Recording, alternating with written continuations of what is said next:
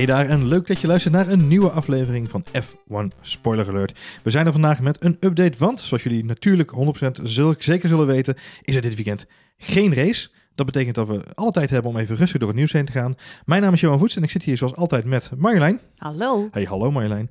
Zo, kopje koffie erbij, kruidnootje. Het lijkt wel herfst. Ja, het lijkt inderdaad herfst. Ze hadden ons beloofd dat het nog zomer zou worden. Ja, maar, eh, dat gaat dan nog gebeuren, denk ik. Ja. Eh, we hebben een update eh, klaarstaan. Eh, een hoop nieuws. Ik denk dat het goed is om even terug te kijken naar... toch nog even naar Italië. Normaal gesproken kijken we altijd even vooruit. Hè? Forward, always. mhm, mhm. Ehm, maar misschien toch goed om even in het licht van de bijzondere overwinning van, van Ferrari afgelopen weekend in, op mhm. Monza. Ehm, toch nog even terug te kijken naar de aftermath in, in Italië. Met name misschien wel de Vettel-veten, zoals wij hem zelf gedoopt hebben. Eh, ook de reacties van mensen uit, eh, uit de paddock. Eh, bijvoorbeeld Lewis Hamilton, die heeft aangegeven dat hij in een andere situatie gewoon lekker met Leclerc zou hebben gecrashed. Ja, nou ja, wat we, dat zeiden we toch al. Dat, eh, hij staat natuurlijk gewoon dik voor in het kampioenschap. Dus eh, Hamilton gaat nu geen risico's nemen. Dat zie je hem bij Max ook nooit doen. Eh, heeft hij ook altijd zoiets van, nou laat hem maar gaan. Het is niet de moeite waard om, eh, om een auto erop stuk te rijden. Nou ja, en dat gebeurde in Monza natuurlijk ook. Ja, nou, hij koos daar eieren voor zijn geld, zullen we maar even zeggen. Mhm. Ehm, bij Mercedes hadden ze hun mondje toch wel redelijk vol over de hele strijd. Ondanks het feit dat ze de keurig tweede en derde werden volgens mij. Bottas heeft Leclerc een zogenaamde tough driver genoemd. Of een tough racer zelfs. Met andere woorden, hij vond een taaie race. En ik, nou ja, je hebt ook met Max Verstappen te maken gehad. Dus je weet ongeveer hoe het gaat. En eh Toto Wolff die wilde toch wel even een shout-out naar, eh, naar Vettel. Want hij wilde nog niet afschrijven. Want Vettel is toch niet voor niks vier keer wereldkampioen geworden, Marjolein. Nou, die zin heb ik deze week zo vaak gehoord. Ik denk dat ik, als ik daar een kwartje voor zou krijgen, dan zou ik Dat vier keer zijn. kwartjeskampioen zijn geworden. Nou ja, goed, het is alsof ze allemaal nog een beetje eh, willen nabevestigen slash eh, in de wereld willen hebben dat Mercedes toch wel zeker eh, Ferrari had kunnen pakken. Ja. Eh, waren het niet dat Charles Leclerc natuurlijk behoorlijk van zijn lijn afweek. Dat hebben we ook gezien. dat hij gewoon slingerend over de baan ging. Ze noemen hem ook wel Charles Zigzag Leclerc.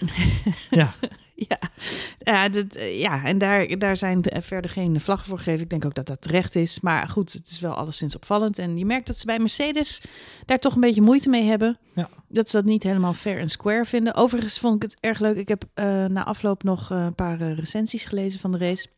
Uh, het vorige keer. recensies in de, in de welbekende recentiebladen van de Formule 1. recensies, ja. Ja, nou, nou gewoon uh, oud-sportjournalisten, ja. met name ja. Engelse oud-sportjournalisten, die daar uh, ook nog uh, dieper op ingingen. En um, ja, het verhaal was natuurlijk dat Charles Leclerc uh, enerzijds uh, ja, een beetje uh, sterk verdedigende lijn heeft gereden en daarmee Lewis Hamilton achter zich kon houden. Waar we het natuurlijk ook over gehad hebben, is hoe kwam het nou dat er zo lastig in te halen uh, viel? En dat had voor een groot deel natuurlijk te maken met de auto's waarmee uh, iedereen naar Monza was gekomen. Ja. Die hadden optimale downforce, uh, uh, konden gewoon supergoed rechtdoor, om het zo maar te zeggen. Je zag het bij de Renaults. Die presteren het he hele jaar nog niet zoveel. Maar rechtdoor gaan kon, ja, kunnen ze heel erg goed. Op Monza lag ze goed inderdaad. Ja. Exact. We hadden het ook vorige keer over Racing Point India. Nog kleine rectificatie, want er is gevallen in de vorige podcast dat die een Ferrari-motor zouden Geen hebben. idee wie dat is natuurlijk niet zo. Wie zegt dat dan toch ook? Nee, die rijden met Mercedes. Maar ook die hadden een ontzettende ja, topspeed en konden gewoon supergoed rechtdoor. En Ferrari, ja, die hadden het best van allemaal voor elkaar. Um, die hadden gewoon een ontzettende, uh, ja, goed afgestelde auto. Ja. En uh, de vleugel die zij hadden meegenomen naar Monza zorgde er niet, de achtervleugel dan met name, maar ook de voor, maar met name de achtervleugel zorgde ervoor dat. Um, dat ze gewoon knetterhard rechtdoor gingen. Dus met name al die snelle sectors waren zij uh, de snelste. Maar uh, er zat ook juist een afstelling in die vleugel die ervoor zorgde dat het lastiger was om dicht achter die auto te blijven ja, zitten. Klopt. En dat benadrukte voor mij nog maar weer eens hoe goed Lewis Hamilton toch is. Dat hij eigenlijk een heel groot deel van de race in die DRS van um, uh, Leclerc ja. heeft kunnen rijden. Zeker, en we zagen ja. daarna Bottas, aan de laatste twaalf rondjes mocht Bottas het proberen. We hebben al over gehad dat uh, Toto Wolf met zijn handen, uh, met zijn hoofd in zijn handen zat. Zo van, oh nee, Bottas. Die kwam er gewoon niet aan. Elke keer als hij in de DRS zat, uh, bounced die bij wijze van spreken weer weg. Soms kwam dat door een stuurfout, maar dat had dus ook alles te maken met die achtervleugel van de Ferrari, die het gewoon super lastig maakte om, achter, om erachter te blijven hangen. En dan was er nog iets. Um, eh, dan zeg je van ja, maar als je in DRS zit, dan ben je toch over het algemeen sneller. Je hebt toch, hè, we hebben het in de kwalificatie uitgebreid gehad Mhm. over Die eh, toe. die ja. toe. Mhm. Als je die hebt, dan heb je voordeel. Ja. Ehm, nou is dat ook zo in zekere zin dat je dan wel harder gaat.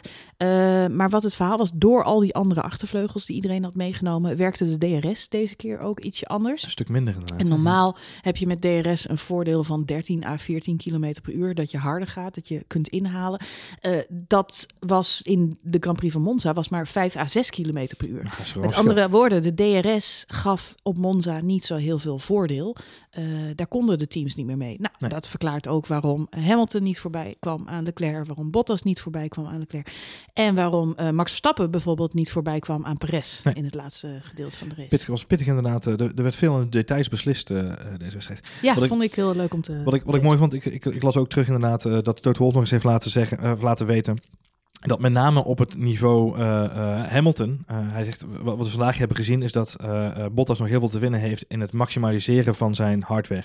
Mhm. Dus waar Hamilton het maximale weet te halen uit die auto en soms nog wel een paar procent extra, hè, dat maakt Hamilton eigenlijk dit seizoen zo goed. Mhm. Eh, want de vraag is, al heel lang is de auto van Mercedes eh, van dit jaar zo eh, dominant als de voorgaande jaren? En ik denk dat het antwoord eigenlijk nee is. Ik denk dat Hamilton gewoon heel goed weet hoe hij het maximale uit die hardware kan halen. En ook Wolf heeft gezegd, ja, weet je, dat is nog het stuk waar Bottas het meest te winnen heeft. Namelijk het maximale uit die auto beter te persen op zulke momenten. En heel duidelijk was inderdaad deze race dat in die DRS-zone, eh, ja, daar had Bottas het gewoon heel zwaar. En de auto ging ook een beetje zwieberen, daar gaf hij ook aan, eh, door die vuile lucht.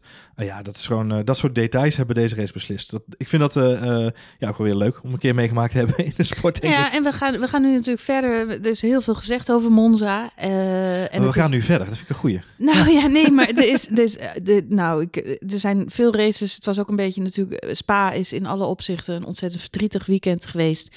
Ehm, ja, waar we allemaal eh, snel weg van wilden. Ehm, en Monza ja, is natuurlijk het grote titanengevecht tussen Mercedes en Ferrari. En dan ook nog binnen Ferrari het titanengevecht tussen Leclerc en Vettel. Ja. Dus ik snap wel dat de jo- journalistiek en de podcasts en de alle Formule 1-watchers daar niet over uitgesproken eh, raken. Ja. Maar je bent maar zo goed als je laatste race. En ehm, we hebben fantastisch twee races back-to-back finishes van eh, Charles Leclerc gezien. Jij zei al in de voorbespreking dat Ross Brawn een knipoog naar Ma- Michael Schumacher heeft gemaakt. Kom op zeg, staat er Of gewoon dat. Michael Schumacher ook ooit back-to-back Spa en eh, Monza wist te winnen Voor Ferrari, ja. voor Ferrari. Ja, nou ja, prachtig. Weet je, het is fantastisch. Charles Leclerc goed gedaan. Chapeau, jongen. Maar ik ben wel met iedereen eens. Laten we nou in godsnaam niet doordraven. Ehm, eh, het Nee, kwartje viel de goede kant op. Dat is eh, fijn voor hem. Eh, hij, hij is goed uit die zomerstop gekomen. Eh, het zal er absoluut naar uitzien dat Mercedes de rest van het najaar weer gaat eh, domineren op de andere circuits. Dus eh, dat is even natuurlijk de vraag. Maar ik ga daar wel een beetje van uit. Mhm. De vraag is ook hoe goed Red Bull daar nou straks bij gaat zitten. zitten. Ja. En ik verwacht dat Vettel echt nog wel een paar Ja.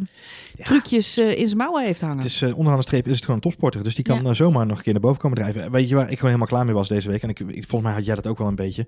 Zijn de ellenlange discussies over de regels en de voorbeelden die werden aangehaald. En waarom werd er toen geen straf gegeven? En, of toen wel een straf en nu niet? En denk ik, jongens, hou ermee op. We, hè, er is gewoon vanuit de Formule 1 besloten, eigenlijk naar Canada, maar eigenlijk nog veel belangrijker naar Frankrijk. De, we moeten een andere lijn inzetten om deze sport eh, spannender te maken voor iedereen. Nou is die lijn er. En nu zeurt iedereen over eh, dat er eh, eh, met twee maat wordt gemeten. Dat is niet zo. nou ja, nee, er, is, er, is gewoon, er is gewoon een verandering. Ja, nee, klopt, eens. En ik ben ook voor minder ingrijpen. Dat zei ik vorige podcast ook al. Het is hartstikke goed. Echter denk ik wel dat... ehm, er is wel een beetje sprake van hellend vlak. We hebben het over Vettel gehad, die met vier banden buiten de Mhm. eh, track limits gaat in Ja. de kwalificatie. En zijn rondetijd wordt gewoon eh, gehouden. En we hebben het over coureurs die gewoon onsportief gedrag vertonen in de kwalificatie. Daar is van tevoren door de raceleiding voor gewaarschuwd. Mhm. En toch kiezen ze ervoor om allemaal Ja. eh, te gaan lopen klootviolen en elkaar geen toon te willen geven en een beetje te treuzelen. En daar krijgt dan niemand een straf voor. Ik Dat- vind dat inconsequent. Ja, dat zijn Als je van tevoren Ja. waarschuwt dat je straffen gaat uitdelen, dan moet je je daar ook aan houden. Wat je nu gaat krijgen is dat coureurs meer risico gaan nemen, eh, vaker dingen gaan doen. Ehm, nou ja, eh, je kunt wel zeggen, Max Verstappen die is bijna helemaal afgeleerd eh, dit seizoen. die, we hebben het er allemaal over dat hij zo ontzettend volwassen is, maar voor een groot deel ja, rijdt hij een beetje zoals, zoals Hamilton. berekenend, niet te veel het risico opzoekend. Ehm, En eh, daarmee straffen vermijdend. Maar goed, nu zie je dat jongens als Charles Leclerc weer de grenzen opschuiven. Betekent dat dat eh, ja, Verstappen en Hamilton daarin meegaan? Ja. Ja, er zullen weer situaties ontstaan, gaan ontstaan. Eh, waarin mensen weer meer risico gaan nemen. En voor de sport is dat goed. En voor de kijkers als ik, ik dat is alleen maar leuk en Ja. controversieel. Eh, maar ik ben heel benieuwd. Ik voorspel dat er nog wel wat eh, incidentjes zullen We kunnen nog gaan, wel wat eh, discussie gaan dat krijgen. denk ik wel. Nou, dat is wel makkelijk, want het vult onze podcast ook weer. hè? dat is wel Hey, terugkerend onderwerp, misschien wel tot het einde van het seizoen. Om maar even een, een bruggetje te slaan naar de volgende stap. Is, er is een tweede deel gelekt van Daniel Ricciardo's contract. Ricciardo. De Ricciardo Revelations, zoals we hem eh, in het draaiboek hebben omschreven inderdaad. Part 2, Pardon. zoals eh, Ricciardo zou zeggen, enchanté. Het houdt niet op. Het houdt niet op. Nou ja, voor, eh, voor onze grote vriend Ricciardo houdt het zeker niet op aan het einde van het seizoen. Tweejarige contract getekend bij Renault. Nou, hij zoals misschien al een beetje bekend in een rechtszaak verwikkeld met zijn oud teammanager, of ja, teammanager, eh, eh, eh, manager. Manager. Ja. Sorry. Ehm, eh, die zaak gaat voor het gerecht en dat betekent dat zijn contract is ingediend als bewijsmateriaal. Mhm. Nou, dat Mhm. ligt dus nu intussen op straat. Eh, en eh, er wordt langzaam maar zeker wordt er steeds meer duidelijk wat er allemaal in het contract staat. Het was even wachten, maar daar is dan ook eindelijk de totale beloning voor Daniel Ricciardo openbaar. Eh, zijn, zijn, de waarde van zijn contract. 27,5 miljoen dollar per jaar. Oftewel Jeetje. 55 miljoen euro voor twee jaar rijden bij Renault. En een Renault Clio hadden we al vastgesteld. Dat was ook al duidelijk. ja, Eh, en, en een Huawei. Eh, daarnaast staat er een, eh, een kostenpostje opgenomen voor zijn fysio- en medische kosten. Tot 100.000 pond per jaar. Ik zal zo uitleggen wat dat in pond is. Ehm, en er zitten, eh, zitten twee bonussen opgenomen. En die twee bonussen maken het ook wel interessant. Daniel krijgt een, een eenmalige bonus van 1 miljoen dollar voor zijn eerste overwinning met Renault. Mhm, En hij krijgt mhm. een bonus van 10 miljoen dollar aan het einde van het seizoen als hij best of the rest eindigt. Oftewel, Jeetje. ik denk zesde, als ik het zo een beetje eh, vaststel. Ehm, Nou ja, ik snap wel dat hij daarheen is gegaan. Ik zit even eh, een beetje op te zoeken. Maar Max Verstappen die zou naar verluid bij eh, Red Bull op dit moment 13,5 miljoen per jaar, ja. dollar per jaar verdienen. Volgens Ja. mij was dat vorig jaar 5 miljoen. Ja. Dus hij is, wel, hij is wel flink op vooruit gegaan. Maar dan heeft Daniel Ricciardo dus meer dan het dubbele. Dus dat gaat goed. Ja. Ehm, even ter vergelijking. Sebastian Vettel die krijgt 45 miljoen dollar Voor bij Ferrari. per jaar of voor zijn contract? Eh, nee, per jaar. Voor Per zijn- jaar? Ja, per jaar. Per Ja, jaar, ja, oké. per Ja, jaar. ja, ja. Eh, vorige week hoorde ik ergens 50 miljoen. Maar goed, het zal ergens dus in die orde van groot zijn. Daar ergens. En Lewis Hamilton krijgt, dus de meest verdienende, die krijgt 57 eh, miljoen. En dan even naar de onderkant van de grid kijken. Wie zijn dan echt een beetje de, eh, ja, de mensen die het minst verdienen? Dat is Alexander Albon. Die betaalt contributie. Die, ja, die moet zelf betalen. Om, nee, die, die, die krijgt 170.000 euro per jaar. Jeetje, Ja, wat een verschil. dus nog steeds het salaris waar ik het voor zou doen hoor. Ja, Formule 1 zeker, zeker, ja. George Russell die krijgt 180.000, Giovinazzi 230.000, Lando Norris 260.000. Maar ik heb begrepen dat Lando Norris vorig jaar, volgend jaar Een ook, upgradeje krijgt. ook een upgradeje krijgt. Ja. Dus ook in de miljoenenclub mag Ja. aansluiten volgens mij. Ik wilde graag een nieuwe simracing setup, dus. Ja, nou, als die jongen daar blij mee is. dacht, dacht Zac Brown, hier heb jij een nieuw setje.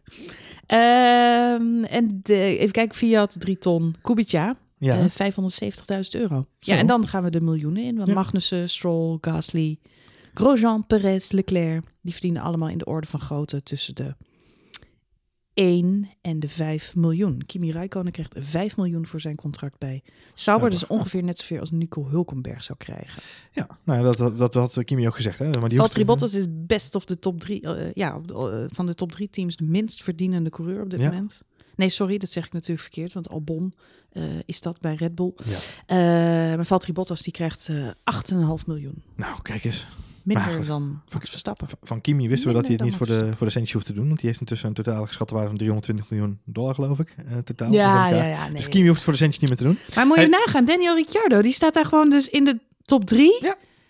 Na Hamilton en Vettel is hij de best verdienende coureur op de Ja, grid. dus we kunnen, we kunnen denk ik met zekerheid vaststellen dat hij voor sportieve redenen eh, de overstap heeft gemaakt naar, absoluut. eh, voor de uitdaging. absoluut. hij wil wereldkampioen worden, joh. Ja. dat denk ik ook als ik het zo lees. Jezus Christus. Het, is natuurlijk een beetje knullig dat het nu naar buiten komt. Ook in een week waarin duidelijk werd dat het Formule 1-team van Renault eigenlijk helemaal niet zo lekker gaat financieel gezien. Nee, Ehm, het leidde ook gewoon eh, behoorlijk verlies. Ehm, alles bij elkaar is dat natuurlijk een beetje een wrikkende eh, schoen aan het worden voor de man die zo graag shoeies doet.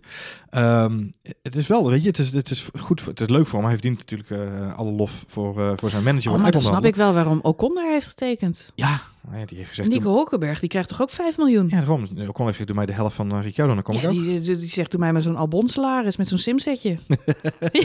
ja, toch? Die is al lang blij. Nou ja, het is, het is wel, kijk, het is voor, voor Ricciardo natuurlijk mooi, maar het kan wel een blok aan zijn been worden uiteindelijk.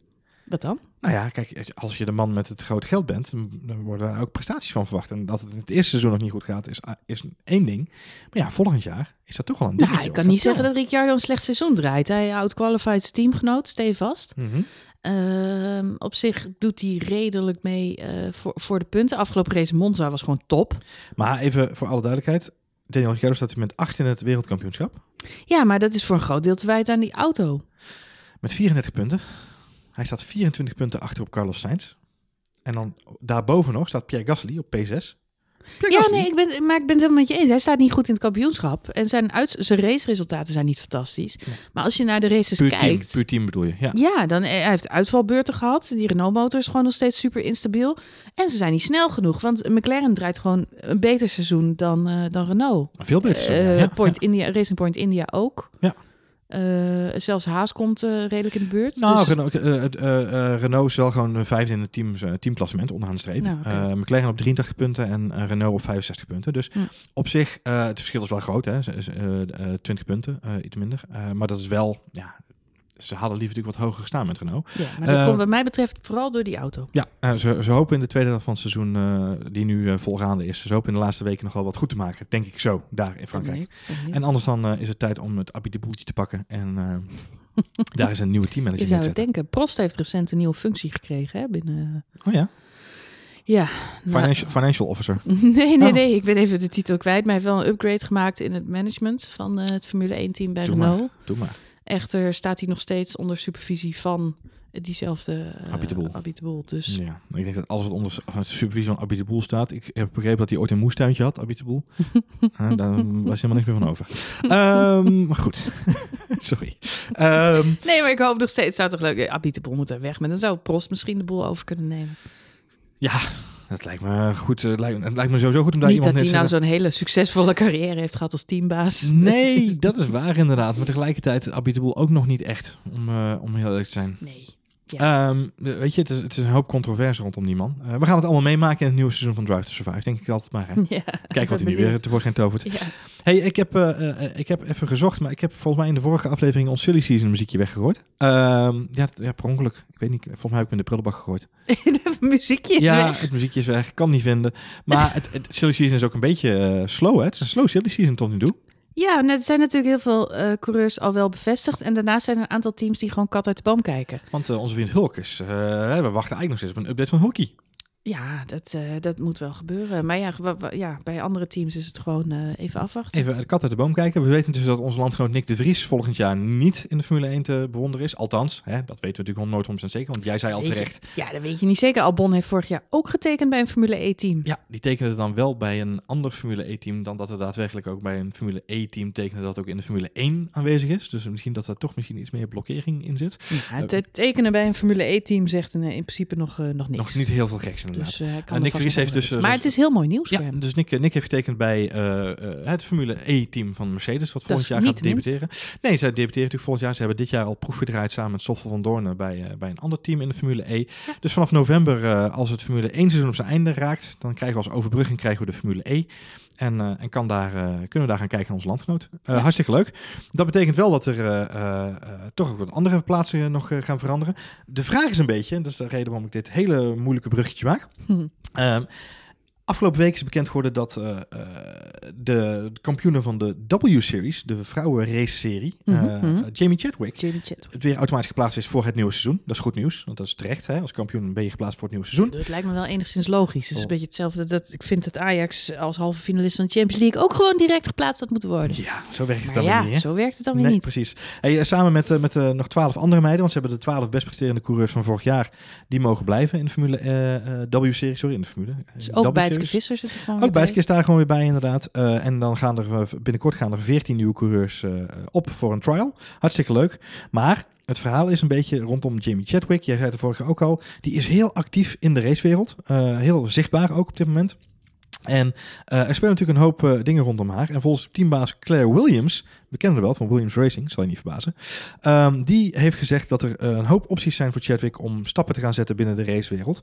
Um, voor de mensen die het niet weten, Chadwick is verbonden aan het team van Williams in het talentenprogramma. En de vraag is nu een beetje, ja, wat zou haar volgende stap kunnen zijn? Denk jij dat we haar heel snel in Formule 1 gaan zien, Marjolein? Nou ja, we zagen Jamie Chadwick afgelopen weekend rondlopen in de pitstraat bij Williams. Uh, dus sowieso tof dat zij daarbij aanwezig was. Um, het lijkt mij wel heel erg cool. En ik moet zeggen, van alle teams um, is Williams natuurlijk wel degene die een risico kan nemen. Ja. Zij zijn wel degene die kunnen zeggen, hebben ze met Robert Kubica ook gedaan. Klopt. Claire Williams heeft over Robert Kubica ooit gezegd van, ja, hij doet me gewoon aan mijn vader denken. De wilskracht die hij heeft om weer terug te komen in de Formule 1 is aanstekelijk. Hij is super belangrijk voor het team. Hij heeft heel veel technische kennis. Um, maar vooral zijn, zijn, ja, zijn wil om te presteren brengt zo'n positieve vibe met zich mee. Ja, en als je stijf achteraan rijdt met Williams, ja, ja, Dan, ja dan kun je het je ook een beetje veroorloven om zo iemand bij te zetten. Ja los daarvan brengt Kubica natuurlijk wel een hele flinke zak geld mee. Uit, Schijnt ook een ding te zijn inderdaad. Ja, de uit Polen. Maar goed, het, het, geeft wel aan, Williams is bereid om te experimenteren. Dus waarom niet met Jamie Chadwick? Ja. Ik zou het te gek vinden. Het verhaal is natuurlijk een beetje nu dat ze bij Williams waarschijnlijk kiezen voor uh, Latifi uit de Formule 2. Ja. Uh, over een zak met geld gesproken. Voor komend jaar in elk geval, ja. Uh, en, en, dan bedoel ik niet Latifi zelf, maar het feit dat hij die meebrengt, een ja. zak met geld. Ja, hij schijnt ook een rijke vader te hebben, net zoals Lance Stroll. Ja, dus dat schijnt toch een goede combinatie te zijn. Uh, dus ik vermoed niet dat we ze dit jaar gaan meemaken. Ander alternatief wat er uh, geroemd wordt in de, in de wandelgangen van de Formule 1 is dat Jamie Chadwick zou gaan tekenen bij Aston Martin. Mm -hmm, mm -hmm. Die gaan komend jaar in de WEC, oftewel de World Endurance Cup, gaan ze meedoen. Uh, dat betekent de lange, de lange races, de 6 uur van X en de 24 uur van dat. Uh, daar gaan ze met de nieuwe hypercar in rijden, de uh, Aston Martin Valkyrie. En zij zou dan daarin een van de coureurs kunnen zijn. Uh, vind ik een hele yes. spannende. Ook Nick Vries gaat dat ook doen. Hè? Die gaat ook uh, WEC-series uh, rijden. Nou, het is natuurlijk ook logisch, want ze heeft al eerder in een Aston Martin uh, League gereden. Ze heeft ook Formule 3 in Engeland gereden. Ja. Um, dus ze heeft raceervaring. Wat natuurlijk het belangrijkste is, ook nog niet zo oud. Ze is 21, geloof ik. Um, zij moet raceervaring opdoen. Je Ja. kunt niet zomaar in een Formule 1 auto stappen. Uh, ja, je moet echt ervaring opdoen. Dus ik zie haar ook nog niet volgend jaar debuteren. We hebben het ook al eerder gehad over Mick Schumacher. Dus ook nog een hartstikke jonge gast. Ja. Laat die mensen rijpen. Laat ze, geef ze de tijd om in andere klassen zoveel mogelijk ervaring te doen. Dus in, hoe meer raceauto's zij kan rijden, hoe beter. Ja, even aan de uh, klein sidestepje inderdaad. Ik hoorde van Mick Schumacher het verhaal dat hij waarschijnlijk volgend jaar nog een jaartje Formule 2 gaat rijden. En dat ze hem dan bij Sauber, uh, bij Alfa Romeo willen gaan stellen op de plek van Giovinazzi. Dus dan gaat hij in 2021 zou hij bij uh, Alfa Op de Romeo plek van Giovinazzi. In principe is het toch zo dat Kimi Räikkönen daar weggaat? Uh, vanaf 2021 bedoel je? Ja. ja, maar goed, Ferrari heeft natuurlijk maar in principe recht op één stoeltje. Met andere, ik, ik doe recht met luchtquotes. Dat zien mensen die een podcast luisteren niet. Maar recht op, ze hebben recht op één stoeltje. Uh, dat is een beetje het verhaal uh, wat, er, wat er gaat. Um, dus uh, dat is een van de geruchten die er ook uh, rondgaan. Goed, we, we, gaan het meemaken. Ik, ik zou mij niet verbazen, want intussen heeft James Chadwick, even terug naar, uh, naar onze onderwerp, ook een test gedaan in de Euro Formula 3. met andere woorden, dat is ook weer een aftakking van de Formule 3. Um, maar zij geeft zelf ook een beetje aan dat dat vrij lastig gaat worden, ook vanuit sponsoring en, en belangen, et cetera. Ja, ze heeft een, helaas geen grote zak met geld nee, bij dus zich. Ik, het zou mij niet verbazen als zij gewoon Als u jaar... thuis een grote zak met geld heeft Ja. En u wilt Formule 1 geschiedenis realiseren... Gaat Doneer het dan aan Jimmy Chadwick. Alsjeblieft. kunt nu aan de slag. Ik moet zeggen dat mijn dochter het fantastisch zou vinden als er een meisje zou meerijden in de Formule 1. Jazeker. Dus, uh, ja, en, en, en, en ik denk vele dochters van Formule zeggen, 1 fans en uh, met, met haar, meer mededochters Dus, inderdaad, ja. uh, Of gewoon... Dat zou toch tof zijn. Hey Marjolein, nog even afsluitend. Even een regel-updateje voor uh, 2021. We hebben er nog niet heel veel over gehad, de, deze updates de afgelopen weken. Omdat het redelijk rustig was rondom de 2021 uh, verhalen. Um, laten we beginnen bij de spanning, bij Pirelli. De, de bandenspanning, die zal er goed op zitten. Bij uh, de bandenontwikkelaars van de Formule 1. Deze week, donderdag en vrijdag, is er getest met de nieuwe uh, 2021 banden van Pirelli. Mm. Dat is gedaan uh, op Paul Ricard in Frankrijk. Mm -hmm, Wat natuurlijk een grote parkeerplaats is. Dat is handig. Kunnen ze makkelijk uh, lekker rijden met z'n allen. Als testcircuit is er niks mis mee. Je Nee. moet alleen geen races Moet laten geen races rijden. laten rijden. Het zijn uh, nieuwe 8-inch banden. Die zijn getest door Esteban Ocon en, uh, en Sergio Sirotkin in een Renault, Renault auto. Ja. Um, Renault heeft een speciale auto ontwikkeld die geschikt is voor testen met 18 inch ja, wielen. deze banden moeten er inderdaad vanaf 2021 opkomen. Ja. En dat vereist nogal wat aanpassingen aan de auto. Nou, de Haas is daar in eerste instantie al van afgehaakt. Die zouden in eerste instantie die testauto gaan bouwen. Renault is er uiteindelijk, eh, heeft zich opgeofferd, om zo maar even te zeggen, om dat te gaan doen. Ehm, Allemaal Frans onder elkaar. Heerlijk. Ik las ook dat eh, Jean Alesi een van de eerste is die de 18-inch wielen heeft getest. En dat was dan, eh, even kijken, volgens mij vorige week in Monza ook. Ja. Oké, ja. Grappig. Franse onderling zeg jij inderdaad al. Ja, grappig. Ja, nou ja, goed. Het is ook weer allemaal in-crowd in die zin. Dat eh, Jean- Alesi, zijn zoon, Giuliani, die rijdt natuurlijk eh, Formule 2. Mhm. Eh, dus Jean die loopt daar sowieso nog veel rond. En die Ja. doet ook veel demo races nog steeds voor aanvang van de Formule 1 Ehm, dus ze hebben de 18-inch wielen ook op een Formule 2 auto eh, gezet. En Ja. Jean Lacey heeft daar een test eh meegedaan op Monza. Als ik goed begrijp, gaat Formule 2 ook volgend jaar al rijden hè, met die nieuwe auto. Dat is wel de bedoeling, banden. Oké. Hey, eh, wat is nu de stress bij Pirelli? Ehm, het zijn de laatste testdagen alweer voor, de, voor dit jaar. Mhm. Ehm, wat betekent dat ze aan het einde van het seizoen eh, eh, moeten ze de banden gaan overhandigen aan de teams. Die moeten dan namelijk ook kunnen gaan testen met deze banden. Dan Mhm, worden ze dus mhm. overhandigd aan alle Formule 1 teams. Die dan de tijd hebben om de, op de auto te bouwen en ook mee te gaan testen. Eh, dat zou betekenen dat ze in Abu Dhabi eh, al gaan racen met die 18, eh, gaan, gaan, tra- gaan trainen met die 18 inch banden. Mhm. Echter, Pirelli heeft nu aangegeven, ja, we komen er niet uit qua specificaties. Het is moeilijk lastig en we hebben eigenlijk nog een extra testweekendje nodig. Nou, je ziet ook de eerste beelden die nu naar buiten toe komen van die Renault met die 18-inch wielen. Eh, het verhaal is, ze zijn groter. Er zitten nu 13-inch banden op een eh, Formule 1 auto. Dus je ziet echt een soort skateboard rijden met enorme grote... Ja, het zijn, het zijn ten opzichte van de auto te grote banden. Dus Ja. dat doet je realiseren dat die auto gewoon ook flink moet worden aangepast om hiermee te kunnen werken. Eh, Allemaal weer andere aerodynamica, techniek, et cetera. De meeste Formule 1 teams hebben al laten weten, ja, geen probleem. Als we het maar van tevoren weten. Als we, de, als we, Als we maar, weet je hebben, wel, als we ze maar op tijd binnen hebben, dan kunnen we eh, de- een auto gaan bouwen die geschikt is voor deze wielen. Maakt ons niet uit hoe groot of hoe klein ze zijn. Eh, ze bieden een aantal, aantal voordelen, want meer oppervlakte van de banden is natuurlijk meer grip. Dus daar kun je dingen mee. Ja. Eh, maar ja, dan moeten ze wel op tijd die banden af hebben bij Pirelli. Ja, en dat is een beetje de stress nu. Ze hebben gevraagd om een extra testweekend. Dat is een beetje lastig in de kalender van de Formule 1 op dit moment. Ja, die zit al chockvol. Dus een optie zou kunnen zijn dat ze op de vrijdagen gaan trainen. Dat zou betekenen dat er een vrije training aan het diggelen zou moeten gaan. Daar zijn natuurlijk de teams weer niet heel erg blij mee als dat zou moeten gebeuren. Al met al zitten ze een beetje in een, eh, in een padstelling eh, met elkaar. Ehm, wat zou kunnen leiden tot de volgende situatie. Namelijk dat Pirelli zegt, oké, nou ja, dan hebben we deze data hebben we. Dan gaan we proberen om daar zoveel mogelijk vernieuwing toe te passen in die band. Op basis van de gegevens die we nu hebben. Maar dan is de band feitelijk niet heel veel anders dan de band die er nu onder ligt. En dat zou natuurlijk weer chagrijn opleveren bij de coureurs. Want die klagen op dit moment natuurlijk steen en been over de banden. Met andere woorden, het lijkt er zo langzaam zeker op dat 2021 eigenlijk niet zo heel gek veel gaat veranderen. Nou ja, wel als de, als, als, als de 18-inch wielen dan verplicht zijn, dan is het gewoon zo natuurlijk. de, En- samenstelling, de samenstelling van de banden is dan dus inderdaad een, eh, een, een, eh, een, een vergelijkbaar met nu. De slijtage en de, en de duurbaarheid van de banden. ja, oké. Dus dat, gaat, dus dat zou eh, voor de coureurs niet zo heel erg prettig zijn, denk ik. Ehm, eh, waarom 2021 eh, vol- volgens mij ook niet heel gek veel gaat veranderen. Nee, dat is een grapje wat ik nu wilde maken. Eh, wat er in ieder geval niet gaat gebeuren in 2021 is het bijtanken. Mhm. En daarmee wilde ik eigenlijk even het, het regelblokje weer afsluiten. Ehm, eh, de herintroductie van het bijtanken is deze week een, officieel neergeschoten. Afgelopen donderdag is de strategy group van de Formule 1 weer bij elkaar gekomen. Dan praat je over een aantal teambazen en een aantal leiders uit de verschillende belangenpartijen die bij de Formule 1 verbonden zijn. Ze hebben lekker met elkaar op de koffie gedaan, een kopje koffie gedaan in Genève. En daar hebben ze definitief nee gezegd tegen het eh, herintroduceren van het bijtanken. Ehm, voor de mensen die pas eh, afgelopen vijf jaar Formule 1 kijken of misschien langer. Bijtanken werd in 2010 al afgeschaft. Eh, dus intussen alweer negen jaar geleden. Maar kwam eigenlijk weer ineens bovendrijven nadat Jean Todt eh, eh, voor de zomerstop ineens riep. Maar misschien moeten we dat weer introduceren om die races weer eens een beetje spannend te maken. Jij bent, niet, jij bent geen fan, zie ik.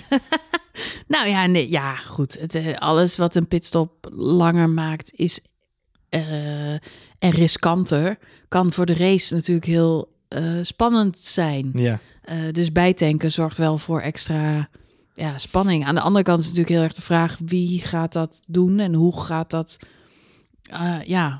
ja wa- wa- natuurlijk een aantal dingen die, eh, die, die genoemd werden als, eh, als eh, antwoord, als, als reactie op deze, deze input inderdaad. Het belangrijkste was eigenlijk de veiligheid. Hè. Het hele systeem moet natuurlijk opnieuw ontwikkeld worden. Want wat duidelijk werd is dat het bijtanken natuurlijk wel een extra risico met zich meebrengt. Je gaat namelijk brandende vloeistof in een, in een pitstraat introduceren, herintroduceren. nee, je hebt gelijk. je hebt gelijk. Het zou het zijn. Ontvlambare vloeistof, sorry. Ja. Ehm, dus daar is de veiligheid is een aspect wat gelijk genoemd werd. Ehm, en daarnaast werd er eigenlijk ook heel duidelijk gezegd van joh, luister, het is leuk dat je terug wil naar nostalgische overwegingen, maar racen in de, in de back in the golden days was ook niet heel veel spannender omdat er getankt werd. Eh, het maakte de race niet per definitie spannender. Ehm, en daarnaast Nou, zijn... het feit dat, lange, dat pitstop zo lang duurde wel. We zien nu pitstops van 2,5 seconden. Ja. Dat is wel iets anders in de jaren 90, dat mensen 6, 7 seconden sni- stilstonden. Klopt inderdaad. Maar het verschil is wel dat nu de brandstoftanks door de zuinige motoren al flink gekrompen zijn. Dus het, het, de manier waarop brandstof nu een rol speelt in de Formule 1 is natuurlijk ook veranderd in de afgelopen jaren. Eh, de hybride motoren zijn een stuk zuiniger, waardoor het gewicht van de brandstof ook minder impact heeft dan En dat bedoelde ik eigenlijk. Wie gaat het doen? Weet je, Ja. je kunt het wel weer eh, introduceren, maar is het dan zo van voordeel? Je kunt dit allemaal uitrekenen nu. Ehm, is het van voordeel om te tanken als je dat vier extra seconden stilstaan kost? Eh, ja, vier seconden is op zich. Maar hoeveel? wa- wa- Wat is het verschil in rondetijd? Is dat Als een het- tiende of zo? als het niet nodig is, slaat het natuurlijk nergens op. Nee, Ja. als, dat, als dat gewicht maar een tiende ronde, dan, dan is het niet de moeite waard om Nee. die extra tijd stil te gaan staan. Dus het Eens. zou goed kunnen dat heel veel teams dan zeggen, "Joh, we, gaan, we zien, hè, behalve Williams misschien, die gaat experimenteren. maar ja, in principe, dan gaat het niet iets opleveren. Dus dat is Nee. eigenlijk mijn vraag. Volgens mij kun je dit op voorhand eh, uitrekenen. Ik niet, maar een Ja. datawetenschapper kan hier vast een, een som op loslaten. Ja. En daar moet je het eigenlijk vanaf laten hangen of het dan de moeite loont eh, en of het sport weer eh, spannender maakt. En het antwoord daarop is eh, in ieder geval voor nu gebleken. Voor nu nee. is het van de baan. Maar ik denk ook dat dat te maken heeft met ook weer extra kosten en toestanden en veiligheid. Eh, dus het zal om meerdere redenen gewoon eh, geschrapt zijn. Dat zal het zijn inderdaad. Hey Marjolein, we gaan eh, ons opmaken voor een, een, een, weer een rustig weekje. We gaan naar de raceweek toe, om het zo maar even te zeggen. Jammer hè, ik zat er net zo lekker in. En dan krijgen we weer een back-to-back. Ik wou zeggen, ik wil meer back-to-back races. Ja, nou, dat, het echt. die kans krijg je volgend jaar. Ja, als we volgend het jaar wordt te gek, jongens. Wordt te gek. Eén extra race en gelijk is het hele Is het schema gewoon. een feest. We gaan naar Singapore. Ja. Eigenlijk traditioneel gezien altijd een hele spannende wedstrijd. Yes. Sowieso omdat het een avondrace is. Ja, avondrace, dus onder de lampen. Eh, Schitterende beelden. heerlijke beelden inderdaad. Ik zag, van deze, Monaco van het Midden-Oosten, mensen. ik zag deze week weer foto's voorbij komen vanuit het team van Red Bull. We hebben, eh, eh, ik ben even de naam kwijt, volgens mij een Russische jongen of een Oekraïnse jongen. Die schiet de foto's en die heeft een paar fantastische foto's gemaakt van de Red Bull van Max Verstappen in het licht daar. Mhm. Dus check even het Instagram-account van, van Red Bull Racing als je de tijd hebt vandaag of in het weekend ergens. Want er staan echt hele toffe shots op in, het, in het donker. Dat gaat echt wel spektakel opleveren. Ehm, en dan gaan we op naar eh, traditioneel gezien de saaiste race van het jaar. dan gaan we naar Sochi daarna. Dus dat scheelt. Oh, drama, drama, drama. Nee, je moet, we, laten we echt hopen dat Singapore mooi wordt. Singapore is de race waar twee jaar geleden Max in de sandwich bij de Ja. Ferraris in, eh de, in, de Italiaan- in de Italiaanse tosti. Ja. Ja, dat was dan een iets mindere uitslag. Maar vorig jaar werd hij tweede. Lewis Hamilton die won de race. En eh, voor de mensen die het niet helder hebben, maar Singapore, dat is die het is een avondrace, dus het wordt in donker gereden. Dus je hebt fantastisch mooie eh, eh, ja, lampen en licht. Eh, het, is, het is in een stad, dus het is eh, net inderdaad ja, Ja. straatcircuit. Dus net als Monaco. Fantastische belichting. Maar het circuit zelf heeft een soort ja, omheining, kun je bijna wel zeggen. En de coureurs, die geven ook aan, ja, het is echt een soort computerspelletje. Want je zit echt nou, letterlijk in een tunnelvisie. Ja. Omdat je op een gegeven moment alleen nog maar die boarding en die site eh, ja, je moet heel geconcentreerd ziet. blijven. Je moet heel ja. geconcentreerd blijven, want er is geen foutmarge. Je hebt geen grasstroken of eh, ja, dingen waar je even uit kunt wijken. Vor- Vorig jaar zagen we, volgens het vorig jaar, eh, zagen we daar een, eh, een heel intensief gevecht tussen Pierre Gasly en ehm, eh, Charles Leclerc. Eh, waar wij uiteindelijk Gasly inderdaad een fout maakte met eh, insturen. En eh, omdat hij inderdaad in de concentratiemodus net dat ene kleine foutje maakte. Leclerc kon er toen voorbij, toen nog in de Alfa Romeo. Of in de Sauber moet ik eigenlijk nog zeggen inderdaad. Ehm, ik, ik zat even te kijken naar de uitslag van vorig jaar, Marjolein. Het viel mij op, Hamilton wist de race vorig jaar te winnen. Mhm. Max Verstappen werd tweede op, op bijna 9 seconden. En Sebastian Vettel werd derde op bijna 40 seconden, 39,9. Eh, denk je dat de verschillen dit jaar weer zo groot zullen zijn? Of denk je toch dat het hele veld wat dichter bij elkaar gekropen is? Nou, wat een van de meest opvallende dingen aan Monza vond ik het feit dat alle teams zo dicht bij elkaar zaten. En om heel eerlijk te zijn, vind ik het het hele seizoen al ehm, als een harmonica in elkaar zakken. De eerste vier races Mercedes mega dominant. Maar sinds... eh, ja, sinds, sinds Australië. eh, voorjaar, Oostenrijk, ja, ja, sinds- ja, nou. Oostenrijk ook maar. Da- daarna wat je ziet is dat teams best wel aan elkaar gewaagd zijn. Het valt elke keer weer op hoe dicht het veld op elkaar zit. Ja. We hebben het na Spa al over gehad. Spa is een ontzettend lang circuit. En toch zie je de coureurs eigenlijk ronde na ronde in een treintje redelijk rondrijden. In Klopt, Oostenrijk viel het ja. me ook al eh, op. Dus met andere woorden, het zijn best wel mogelijkheden om... ja, voor, voor andere teams ook om, eh, om dichterbij te komen. We zagen, nou, Renault was ineens hartstikke goed eh, afgelopen weekend. Eh vraag is natuurlijk of juist McLaren hier weer sterk gaat zijn de komende races. Ja, dat was, was nou de vraag. nou, Wat, wat, waar kijk jij naar uit? Want even los van de voorspellingen, die doen Mhm. we volgende week als we wat iets meer inzicht hebben in, in wat er allemaal gaat gebeuren met natuurlijk. de nou, waar ik echt wel naar uit eh, kijk, is een keer een podium van een andere coureur dan Mercedes, Ferrari of Red Bull. Ik, eh, Lando Norris een keer op podium, dat zou, dat zou te gek zijn. Ja. Dat we dat een keer eh, gaan zien. Ik, ik kijk heel erg uit naar de gevechten tussen Renault en McLaren hier inderdaad. Ja. Ja. ja. Ik, en of, als het een gevecht gaat zijn, want dat is natuurlijk altijd de vijfde vraag. Maar ehm, eh, nou ja, Norris heeft zijn, zijn nieuwe motor erin liggen. Die heeft eh, zijn, zijn, zijn penalties gepakt. Racing Point komt ook met allemaal upgrades naar Singapore toe. Ja, maar dat Die betekent- verwachten daar ook snel te zijn. Ja, maar het betekent wel dat ze natuurlijk straffen gaan pakken. Dus eh, eh, dat is wel weer jammer. Nee, een, eh, Red Bull, of sorry, McLaren en Renault zie ik heel erg naar uit. En ik hoop stiekem een beetje dat dat niet te veel te kosten gaat van Red Bull. Bochtige baan, 23 bochten. Kijk eens aan.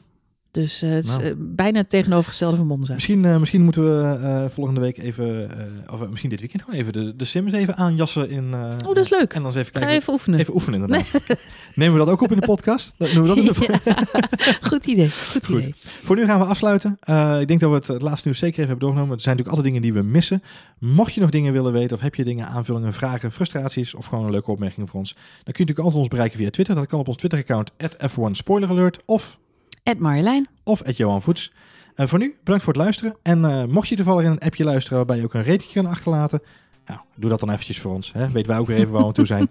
en weten we op die manier ook weer nieuwe mensen te bereiken. Wat altijd leuk is, nieuwe fans. Voor nu bedankt voor het luisteren. En tot de volgende aflevering van F1 Spoiler Alert.